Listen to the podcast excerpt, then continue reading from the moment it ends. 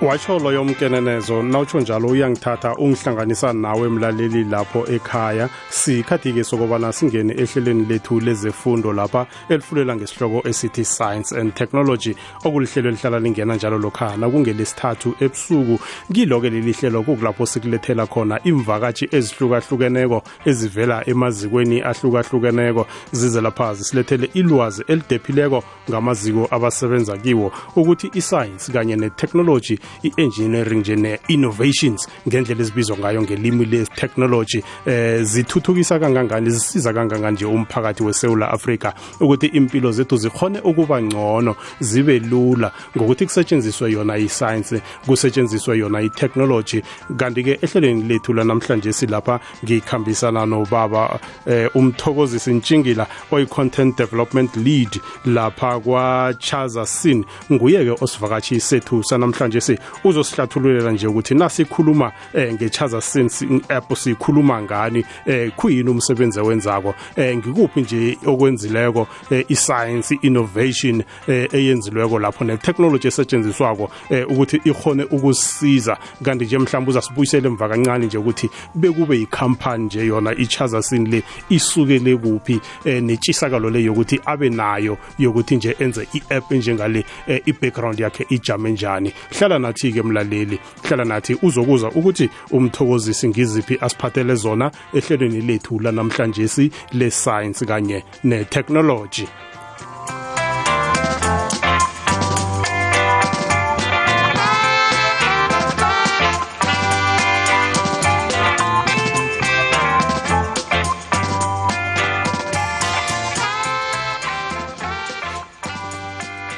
Njengobana-ke khe ngatsho ngathi lapha sikhambisana nomthokozisi njingila oyi-content development lead lapha kwachaza sin app nguye nje osivakatshi sethu sanamhlanje si uzosihlathululela nje ngayo i-app le. Eh uyatsho nje ukuthi i-app le eh inechata nje elenziwa babantu eh abangaboni kuhle ukuze eh badlale nje umbhino kilo kubo maliledinini angitsho njalo eh ngokuthi kusetshenziswe yona i-app njengale ikhona nje ukuhlukanisa amachata ahlukahlukeneko eh nokuthi nje konke lokho bakhona ukukusebenzisa lula. Eh ngingakarageli phambili ke nehlelo lethu la namhlanje si ngifuna umthokozisi akhalotshisa umlaleli ekhaya akhona ukuza ukuthi sekakhona ehlelweni lethu la namhlanje le science kanye ne technology eh lotshani ba? Eh njani baba njani eh umthokozisi inkinga nalo okhulumayo. Eh ngiqhamuka la ngiyasheza seni ngisi-base la eThekwini. Eh ngizonixoxela nje kancane nge-APS so ngiyacela nje ukubingelela ukubingelela lapha e-studio ngibingelele nabalaleli emakhaya. Awuzwa-ke. Eh mthokozi singakathomi nje ukukhuluma ngayo i-app le. Eh ngifuna nje ukuthi ke siyithathe lula siyibuyisele emva unginikele i-background eh ye-chaza sin eh, njengekhampani. Eh akho sihlathululele yona? Eh i-chaza sin eh mhlambe ake ngiqalela ngiqale ekupheleni i-audio description kahle kahle izini ngoba um nesiqiniseko sokuthi mhlawumbe bakhona abalaleli abangazi nje bazi ukuthi hayi ukuthi ake yizele into leyo yethi audio description. So i-audio description indlela yokwenza ukuthi i-visual information um izinto ezifana njengo-TV eh namafilimu ukuthi lezo zinto lezo zikwazi um ukuba accessible ziphinde zi-enjoyeke nakubantu abangabona so masiyenza i-audio description i-audio description kuba ngathi i-audio track eh oyilalelayo and leyo track iba nomuntu okhulumayo and lo muntu okhulumayo usuke ezochaza um lezi zinto ezivisual um ezenzakalayo ku TV noma masibuka ifilimu. So mhlambe mangase ngenza isibonelo nje um ukuba mhlambe nginawe lapha e studio with Patrick mhlambe mangithi nge-audio describer bengizothi um uPatrick nomthokozisi bahleze e-studio and phambi kwabo eh kunama mic and futhi bagqoke nama headphone emakhanda um noma emadlebeni. So kanjalo ke umuntu obonayo umuntu ongaboni umuntu ongaboni usenayo ke manje usenaso ke manje naye isithombe sokuthi kahle kahle yini le eyenzakalayo phambi kwakhe. Um eh mhlawumbe uqale ngathi Patrick so bese ngiqhubeka ke ngithi ishaza senu idabuke kanjani. So kuleli thimba lethu sibathathu. Ukhona mina umthokozisi osebenza ngecontent njengoba sizochazile ku-practice bese kuba khona uTrashanti um osebenza ngetechnology. Okuyena umuntu kahle kahle i-app eqondane naye kakhulu. Bese kuba khona uShakila um who is singamthatha asithi managing director noma i-business development and management lead ngeshares asim so uShakila um uma uma bayena ungaboni and for um for iminyaka uShakila eh kade um ekhulumela auto description la South Africa ezama ukuthi hayi njalo njalo thina njengabantu abasingaboni ikhona lendlela ukuthi nisichazulele le nkinga le yokuthi nathi sikwazi uku-enjoya izinto efana njengofilm no-television. And leyo ndlela i-audio description. So kwaze kwafika-ke up until u-2020 la um wasihlanganisa ushakila and sahamba saya e-smart exchange la eThekwini nje. Um la eThekwini and sapitcha khona ukuba bevule ikhole ukuthi abantu abazopitcha for i-seed funding abantu abane technology ekhini so safika ke thina ngazopitcha kubona kwa smart exchange and um ngenhlanhla ke nangomusa uNkulunkulu ke um saphumelela. Saphumelela and usmart exchange wasipha ifunding. So ifunding le esayithola kahle kahle yaqhamuka from ama inhlangano ezimbili oqala kwaku smart exchange and smart exchange bona basiza ukuthi just nje ama operation nokusebenza kwenkampani sikwazi lokho yabo ukuthi sikubuse and then uThia uThia ke ila eyaqala khona kahle kahle indaba yethu noThia uThia as a technology innovation agent. Mhm wathi ake bona basipha lapho ke ama funds ukuthi siqaleke ukudevelopa i-app. Mthozisi akhe akhe simlise kancane utiya lo sizangena kuyi asiconcentrate phezulu kwe-app le iyodwa. Eh yena siza kutsho ukuthi usize njani oh, sesisihlathulule i-app le yonke iphelele. Eh, asithome nje singene kiyo apha ukuthi i-app le eh, ngendlela oyihlathulule ngayo nje ukuthi kunoshakila eh, okunguye nje oqalene nayo khulukhulu vele okumuntu othola ukuthi mm-hmm. naye ukhubazekile. Iyenzani i-app le mhlambe nje ungasinikela nakho nje ukuthi i-technology le eniyisebenzisako le ukwenza yona i-app le? Oh okay okay. So um ngingakwazi nala ukuthi mhlawumbe nginikeze umlando umnanyana nje perspective. Mhm. ukuze so okay. So futhi asiphethe kwele ku-2015 so ngo-2015 ke um i-auto description kwaba khona i-project yokuqala nje e-South Africa.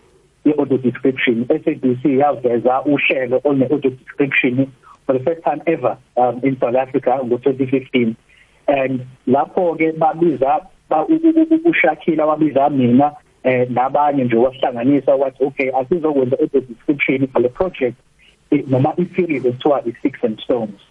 So sayenza ke le audio description yavela i-six and stones lapha ku SABC ine audio description and kwaba nje ne launch enkulu nje kwabamnandi but inkinga eyaba khona is that i-audio description ngenkathi idlala ku television noma ku TV SABC1 SABC1 ibivela kanye kanye ne soundtrack yayo i-telenovela noma yalo uhlelo lo um and lokhu lokhu bekubuhle eh, of course for abantu bona abanga abangaboni but mhlambe wena mawubona em awufuni ukuzwa yabona incazelo manje libe lifika em mawubuka i-sticks and stones ngathi ungayicisha lento so manje em lokho ke kwenza ukuthi kahle kahle umsebenzi auto description ume ngoba em la eSouth Africa yayingekho indlela yokuthi mhlambe i-audio description ivele ngendlela yokuthi eh kungaba eh i-track mhlambe mangithi mabuka ibhola ku Super Sport ukwazi ukushintsha from i-commentary yesingisi ungene i-commentary yesiZulu noma i-commentary yesindebele. Ibingekho leyo nto leyo e-South Africa noma ku-SABC so manje ke siyabona ukuthi okay so kushuthi thina ke it's not only ukuthi fanele senze audio description. But kufanele sifike ngendlela yokuthi um ama broadcasters angakwazi ukuthi le audio description ay transmit um without having to ukuthi bashintshe izinto eziningi bona and ukuze wonke umuntu azoba ne experience ethandekayo. So i audio description iyaphethe isebenza kanje. Thina sifike sithole i-track noma sakhe i-audio description track. Leyo track bese sifaka baba njengela yes yes. Akithi sijike ngentolo bese ngikunikela isikhathi esaneleko nje ukukhona ukusihlathululela ukuthi isebenza njani akhe sijike ngentolo okay. Landela ikwekwezi fm enkundleni zokuthindana. Ukubana ikwazi ikulandele nawe. Instagram at ikwekwezi fm umkhanyo empilweni yakho ngamalanga. Ikwekwezi fm kukhanya. ba usalalele ihlelo lethu le-science kanye ne-technology lapha kukwekwezi FM lapho ngikhambisana khona nomthokozisi ntshingila oyi-content development lead lapha kwachaza sin eh, okunguye nje osivakatshi sethu sanamhlanje si usihlathululela njenge-app abayisebenzisako khulukhulu nje esebenziswa babantu abakhubazekileko eh, okuthola ukuthi nje ibasiza khulu ekutheni bakhone nje ukuzwa amachata eh, umvumo ohlukahlukeneko. Usazama nje ukusihlathululela yona ukuthi sikhone ukuyi ukuyizwisisa eh ngendlela esebenza ngayo. Eh mhlambe ke nje nalabo thola ukuthi eh kuba abantu nje eh, abangayisebenzisa ibe nobuhle kibo eh abalaleleko lapha bangakhona ukuyisebenzisa. Mthokozisa siragele phambili. Bosangihlathululela ukuthi i-app le isebenza njani i-audio description. Yebo yebo Patrick. So i-app thina ke i-app um into ekwazi ukwenza ukuthi ikwazi ithole i-track audio description. Bese siyayiloada ke thina kwi-app ngendlela esiyiloada ngayo. And lana ke ekuyi innovation yona yona ke ukuthi i-app ine button um olipressayo lelo button likwazi likwazi ukulalela ukuthi udlalani ku TV noma kudlalani ku cinema noma kudlalani ku laptop so i-app ufike upress le button ethi listen. And mayilalela lalela ke i-app ifike izuthi oh okay mhlambe kudlala uzalo la ku TV bese ke i-app mayikhona i-audio description yozalo i-app izofike ilande i-audio description yozalo bese ithi nayo i-audio description. Ayini ke futhi lapho i-app? I-app mhlambe asithi wena njengomuntu ongaboni uzalo eh ulifica mhlambe seliphakathi mhlambe seliphakathi ngo10 minutes. I-app iyakwazi ukuthi oh la i-audio description le uyidingayo and siyezwa futhi ukuthi um lolu hlelo lolu hlelo oludlalayo seliphakathi ngo10 minutes. So thina ke sizokwazi ukuthi audio description yethu siqale la ku10 minutes khona uzohambisana kahle uzohambisana kahle ke ke nalokho okudlalayo ku television noma udlala ku cinema noma udlala ku laptop so i-app yethu ke kuphethe isebenza kanjalo ku-app yethu. Ngendlela oyitsho ngayo nje ukuthi iyakhona ukukutshela ukuthi ihlelo le elingenako ulithola seliphakathi. Nina ke niyibuyisele emva. Eh, ifana nokuthi nje mhlambe eh ulithoma ekuthomeni bowuliphozile. Ngisho ngendlela oyitsho ngayo nje wena iyokuthomela emva ekuthomeni i10 minutes ebese idlulile leya. Kodwana nje igcine egcineni ikukhavara eh ikunikela lonke eh imizuzu ebekumele idlalwe lihlelwelo. Eh kanjalo kanjalo impela Patrick. Ngeke awudingi ukuthi mhlawumbe uqale phansi ukuthi yazi manje ngifuna ukulalela le description le audio description but kufanele manje ngimise la noma mhlawumbe mina ngiye phambili cha. Yona nje uzolalela izizwela yona ukuthi oh okay lento le odlalayo isiphakathi kangakanani. Bese izobisa khona lapho eh without wena ukithinteliso bese ke as umuntu ongaboni noma as umuntu osebenzisa audio description uzula akwazi ukufaka ama-earphones ulalela i-description bese ube ulalela ke nala ukuthi bathini abantu bekuhlelo mbukayo uyazi lapha nokhuluma nje ngama eh ngamachata ahlukahlukeneyo nje different sounds angitsho njalo. Eh ikhona njani nje i-app le ukuhlukanisela ama sound ahlukene kola eh nokuthi nje mhlambe eh ungasinikela yona nje ngelihlo lengcondo ukuthi eh what are these different types ye sound ekhona ukuzidetector i-app le?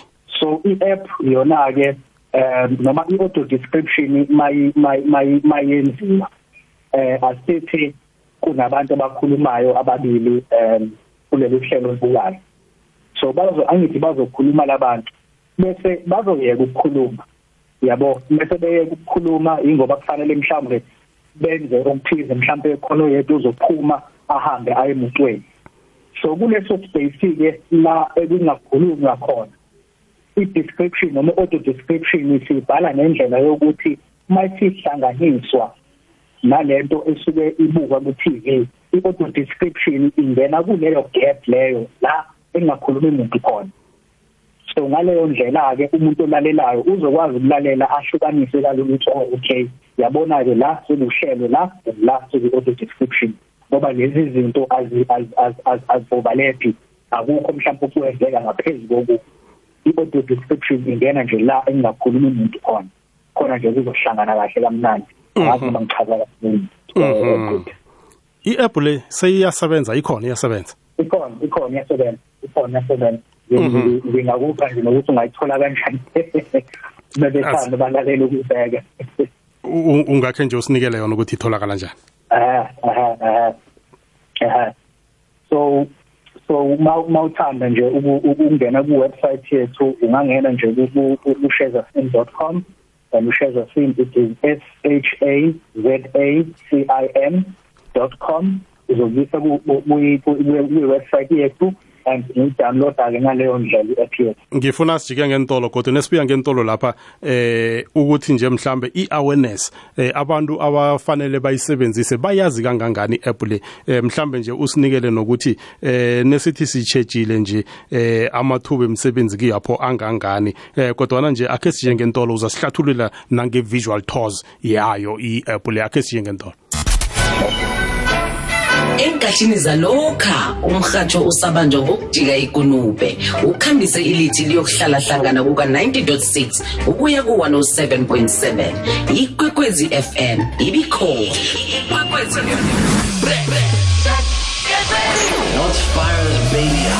Nenkathini zanamhlanje sizoqhofoza inomboro yedijithali nenkundla zokuthindana ezenza umbone ngamehlo umrhatshi wakho omthandako. Ikwekwecfm isesekhona 90.6 ukuya ku-107.7 fm umkhanyo ukhona kukhanya ba. Umkhanyo empilweni yakho ngamalanga. Ikwekwecfm kukhanya ba.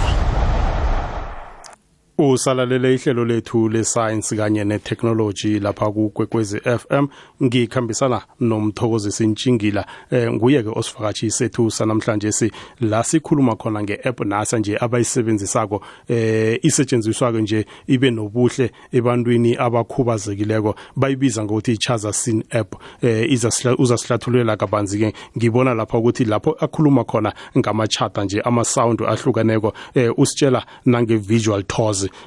Babunjengila akhe usihlathululele nge-visual tours ngaphakathi kwayo i-app le okay um so uh, Patrick um so i-audio description abantu abaningi abayazi bayazi ngokuthi um iyenza isebenza ngamafilimu and isebenza nge-television but into esifuna ukuyenza thina la kwashaza sini ukuthi kahle kahle sifuna ukwenza nje um ukuthi kube khona izinto ze-audio description eziningi ezihlukene ehlukahlukene kakhulu yabo ukuze abantu abangaboni bazo bazo bazo bazokwazi ukuincludeka as much as possible nje into into into.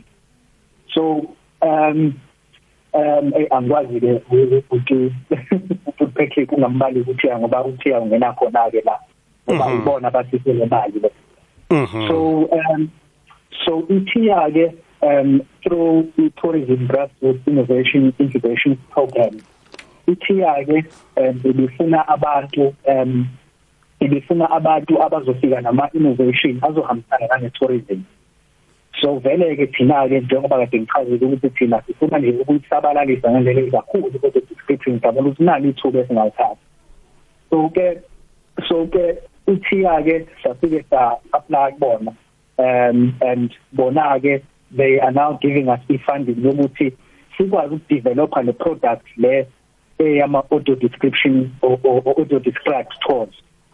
So ama audio described tours uh, asebenza kanje um uh, package so the audio described tour thina into esifike siyenze we want to make ama ama, ama heritage sites and any tourist attractions uh, akhona accessible to abantu abangaboni so thina ikhona nje esisebenza nje ngayo nje nje for the moment um la la la eThekwini.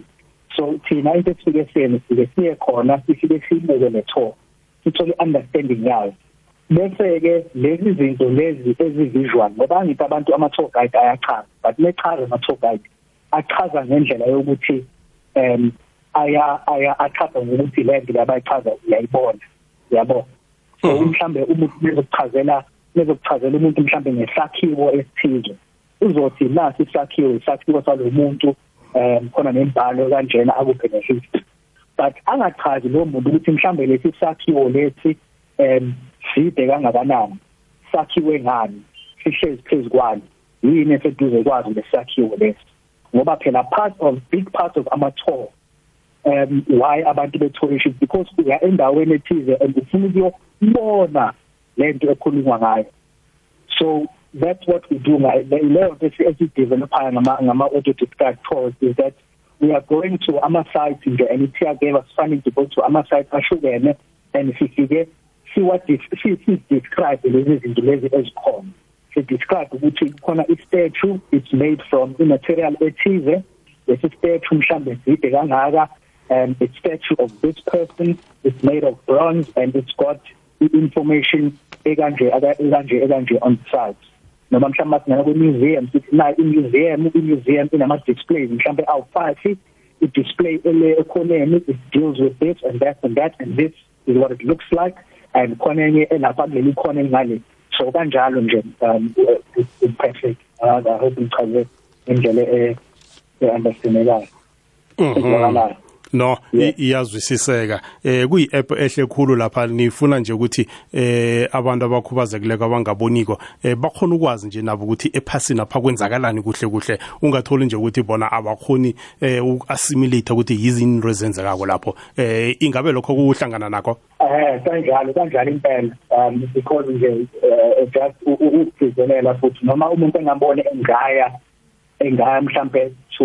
indawo ethize i-tour guide imise imise and inikeze information but i-tour guide ay imvamisa i-tour guide ayimtsheli noma ayimtsheli umuntu ongaboni noma ayimchazeli ukuthi kahle kahle lento uyibukayo injani ukunikeza i-history kuphela. Mm. so thina ileyo gap ukuthi nesifuna ukuyibhala leso sikhalo sifuna ukuyibhala thina.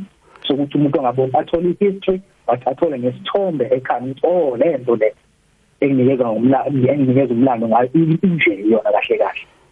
Awuzwa-ke eh a- akhe sichethe ihlangothi le-awareness. Sikhuluma nge-app lapha eqakatheke khulu nje very much important eh, ebantwini abangaboniko.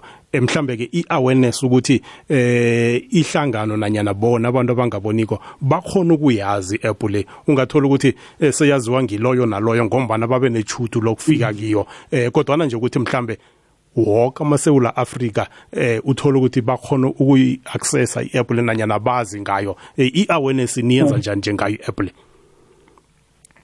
eh hey Patrick lapho ke inkinga esifike sibe nenkinga khona ang- angifuni ukuqhambela wena nabalaleli abamanga um ngoba njengoba masina singakafiki njengoba i-audio description kuyinto engaziwa nje eh eSouth Africa. Um lokho ivumile ukuthi i-awareness kufanele thina siqale phansi.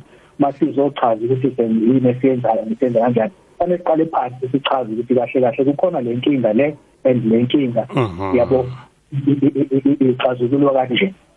So thina sinalowo msebenzi lobo ongathi mhlawumbe uyidabule yabo ukuthi fanele kube yithi esiphusha i-awareness ngoba abantu abekho aware at all. Uh, most of the time until kuze kube yithina esibenzayo aware bese kuyimachaza ukuthi okay ke kahle kahle ke umsebenzi wethu na? Um so iyona inkinga leyo esinayo but you know kuyasiza phela abantu mebe abasilekelela endleleni that can put us kuma opportunities anje like uh, on on our radio station so we can talk like this. But within within the blindness uh, community ngoba njengoba ke ngichazile one of our team members um ushakila vele yena umama ungaboni yabo? So yena close close kakhulu nabantu who are in the community of blindness. Mhm. um in terms of in terms of ama forums ahlukahlukene in terms of ama group ahlukahlukene even very influential people. And also international yabo? Umuntu um oshonishwayo nje ewuyena as a professional internationally but also in various um uh, groups that deal with blindness. Yabo people uh-huh. uh, uh, you know she's influential so in that way um abantu are aware of of the appearance in that way. Awuzwa but still definitely kusafanele kuphushwe kakhulu in terms of ukuthola um just nje the the the the average visual impaired person ukuthi abe aware of the app awuzwa so nje lapho is where is our big challenges at the moment Mhm. Eh sasele nemzuzu emibili lapha baba. Eh ngifuna nje mhlambe in terms of i job creation nje ukuvula amathuba emsebenzi bese usitshela nje nangama main points eh ubuye nje kodwa usihlathulele ukuthi itholakala phi app le ngemzuzu emibili lesele. Okay, ngiyabonga. Ngiyabonga. So at the moment, um, we have been able to create uh, 26, uh, 26 uh, uh, jobs, and I short, I short term employment. and kulama jobs it, it, it is includes mostly youth um, and even we have worked with and we're still working with abantu abangaboni even employed abantu abangaboni and bayika ngendlela eyisimanga and um, we've, we've created full-time employment obviously for thina-ke the day-to-day inkampani esibathathu uh, that are counted. Um, but yeah, uh, we've created 26 jobs so far from people for people that are just coming out of university. So we give people most of the time ithuba labo lokuqala ukusebenza bathola experience ne-exposure um and then do you say ukuthi app itholakala kanjani good Patrick? Um so i-app um on uh, on your website yethu you can go to uh, shazasin.com that is s h a z a c i n.com so .com. Ungene nje lapho kuwebsite uzothi information ye ngathi and then nje phakathi nendawo nje yethi ibutton elikhulu elithi download ezodownloada kanjalo i-app.